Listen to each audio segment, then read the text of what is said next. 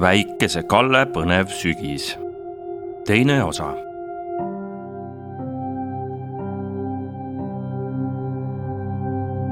õues oli pime, kui väike Kalle vilkuvast kivikujust ehk oma isast mööda läks ja aknast välja vaatas. esialgu ei näinud ta midagi, kuid siis märkas korraga midagi hämmastavat. aknalaua all, otse takkjapõõsa kõrval olid pori sees jäljed. väike-Kalle teadis, et tal on kiire, sest valimised olid tulemas. seetõttu hüppas ta aknalaua pealt maha ja maandus otse kummaliste jälgede kõrval. ta küsis kindlasti, miks need jäljed kummalised olid.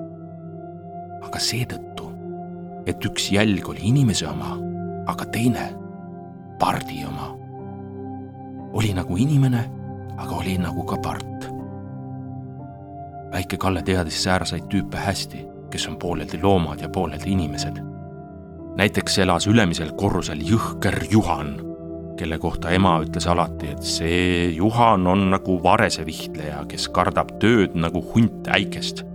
silmad on nagu härjal ja jalad nagu mesilasel ja lisaks olevat ta kaval nagu vanapagana kutsikas väike Kalle oli ainult üks kord näinud, kuidas jõhker Juhan vareste vihtles ja see ei olnud üldse õudne, sest vares istus rahulikult oksa peal ning tõstis vasakut või paremat tiiba, kust jõhker Juhan siis õrnalt kasevihtedega tupsutas.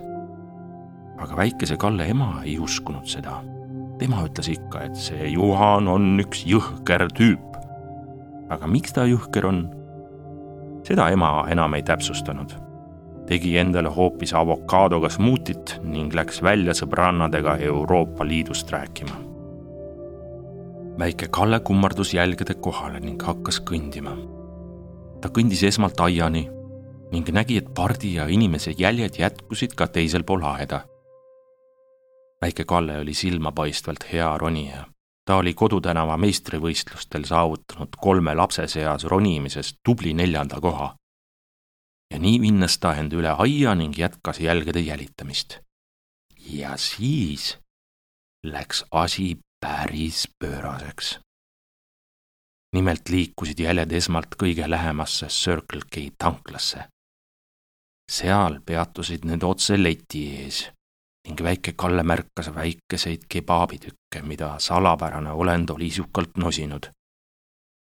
siis keerasid jäljed ringi ning läksid selle väikese metallist kabiini juurde mis õues iga Circle K tankla juures on ja kust tuleb voolikust värsket õhku, millega autodel kumme täis pumbatakse. sa ei usu, aga pärast seda, kui pardi ja inimese jäljed selle kabiini juurest minema läksid, olid need tunduvalt suuremad. tähendab, sai väike Kalle aru, salapärane olend puhus ennast palju võimsamaks, kui ta seni oli olnud õudne värk, jõudis väike Kalle mõelda, kuid jätkas oma jälitustööd, sest tema isa oli endiselt kodus elutoas kivikuju. nüüd läksid jäljed läbi paksu padriku, siis mitu kilomeetrit pikki maanteed, siis hüppasid Saue raudteejaamas rongi peale ja sõitsid mitukümmend kilomeetrit Türi poole. siis kõndisid nad läbi Türi Paidesse sealt otse üle Mäo risti Sämmi grillist mööda Adavere poole. aga Adaveres tuuliku juures tegid ootamatu käänaku ning siirdusid hoopis Pärnusse ja kihutasid edasi mere äärde. liiva peal oli selgelt näha, kuidas pardi ja inimese jäljed olid muutunud natukene väiksemaks. ning väike Kalle märkas, et tasapisi hakkab päike tõusma ning aimas mingil põhjusel, et varsti salapärane olend väsib ja peab kuhugi puhkama heitma. aga just siis, kui väike Kalle nina maas rannas edasi liikus, põrkas ta korraga kellegagi kokku. väike Kalle jõudis ainult üllatusest hüüda munatops, kui ta pikale paiskus ja lebama jäi. tasapisi paotas ta silmi ning sa kindlasti ei usu, aga, aga ma vannun, et see on tõsi. temast paari meetri kaugusel liiva peal lebas jõhker Juhan. just täpselt, see tema jõhker naaber Juhan, kellel väikese Kalle ema sõnul olid jalad nagu mesilasel. ja tõepoolest, nüüd nägi ka väike Kalle, et jõhkral Juhanil oli kuus kätt ning jalga ja kõigi nende otsas väike hall portfell. Nüüd oli ta selili ja siputas abitult kõigi oma käte ning jalgadega, hüüdes aeg-ajalt nõrgalt. riiginekretär, au, riiginekretär. väikest Kallet oli ema alati õpetanud, et hädas olijat tuleb aidata, sest kui sina täna kedagi aitad, siis homme võib tema omakorda sind aidata.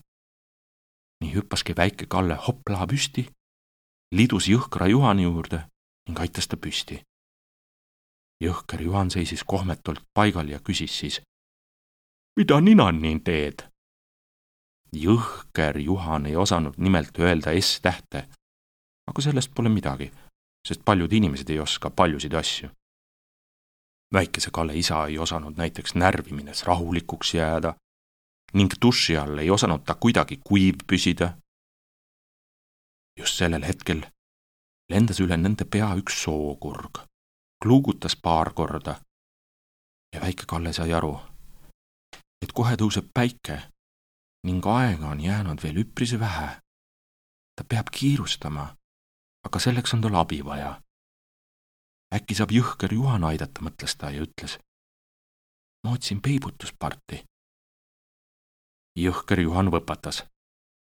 kõik portfellid tema kätes hakkasid värisema ning väikesele Kallele tundus, et nende sees elasid mingid olendid, sest korraga need portfellid sumisesid, urisesid ja haukusid.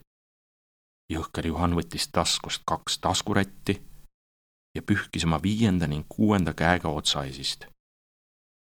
tähendab, ütles ta, mina ka. sina ka, hüüatas väike Kalle. kas sina siis tead, kes on peibutuspart? jõhker Juhan naeratas häbelikult ja noogutas muidugi tean, ütles ta. ma töötan ju valiminkominjonin. väike Kalle oli jahmunud. minu isale meeldib valida, ütles väike Kalle. ma tean, noogutas jõhker Juhan. ta on osalenud kõigil valimintel ja paljude ninegi kakn korda. muudkui valib. aga me kardame, et nüüd on temaga midagi juhtunud väike Kalle, keda oli treenitud vapper olema, noogutas. jah, ütles ta. keegi pooleldi part ja pooleldi inimene muutis mu isa kivikujuks. jõhker Juhan noogutas kurvalt. teda oligi arvata. ta kummardus väikese Kalle poole ja sosistas. meie valiminkominjoni nägi ülemöödunud hommikul maja juuren poliitbroilerit luuraman. väike Kalle oli veel rohkem jahmunud. ka jahmumises oli ta silmapaistvalt hea, ükskord tuli ta enda toa jahmumismeistrivõistlustel teiseks. esmalt peibutuspart ja nüüd poliitbroiler, mõtles ta. hullem kui Selveri külmlett aga kaugemale ei jõudnudki ta mõelda, sest korraga hüüdis jõhker Juhan. edani, kiiruga! kauguses kluugutas sookurk, kes oli märganud midagi kummalist. nüüd kutsus ta jõhkrat Juhanit ja väikest Kallet enda juurde. nagu hullud jooksid need Piki randa, kihutasid üle järjest väiksemaks muutuvate pardi ja inimjälgede silmapiiri poole väike Kallet tundis, kuidas ta süda tagus nagu meeletu talle tuli meelde elutoas vilkuvatest jõulutuledest valgustatud isa kivikuju ja tema silmadesse tungisid pisarad. kuid ta lippas edasi. jõhker Juhan oma kuue jala ning käega temast juba kaugel ees, portfellid kõigi jäsemete otsas. väike Kalle teadis, et kui ta ei jookse nüüd nii kiiresti, kui ta vähegi suudab, ei saa ta kunagi teada, kes ta isa kivikujuks muutis ja väike Kalle pühkis pisarad, surus hambad kokku ja litsus joosta kogu jõust. saladus pidi varsti saama lahenduse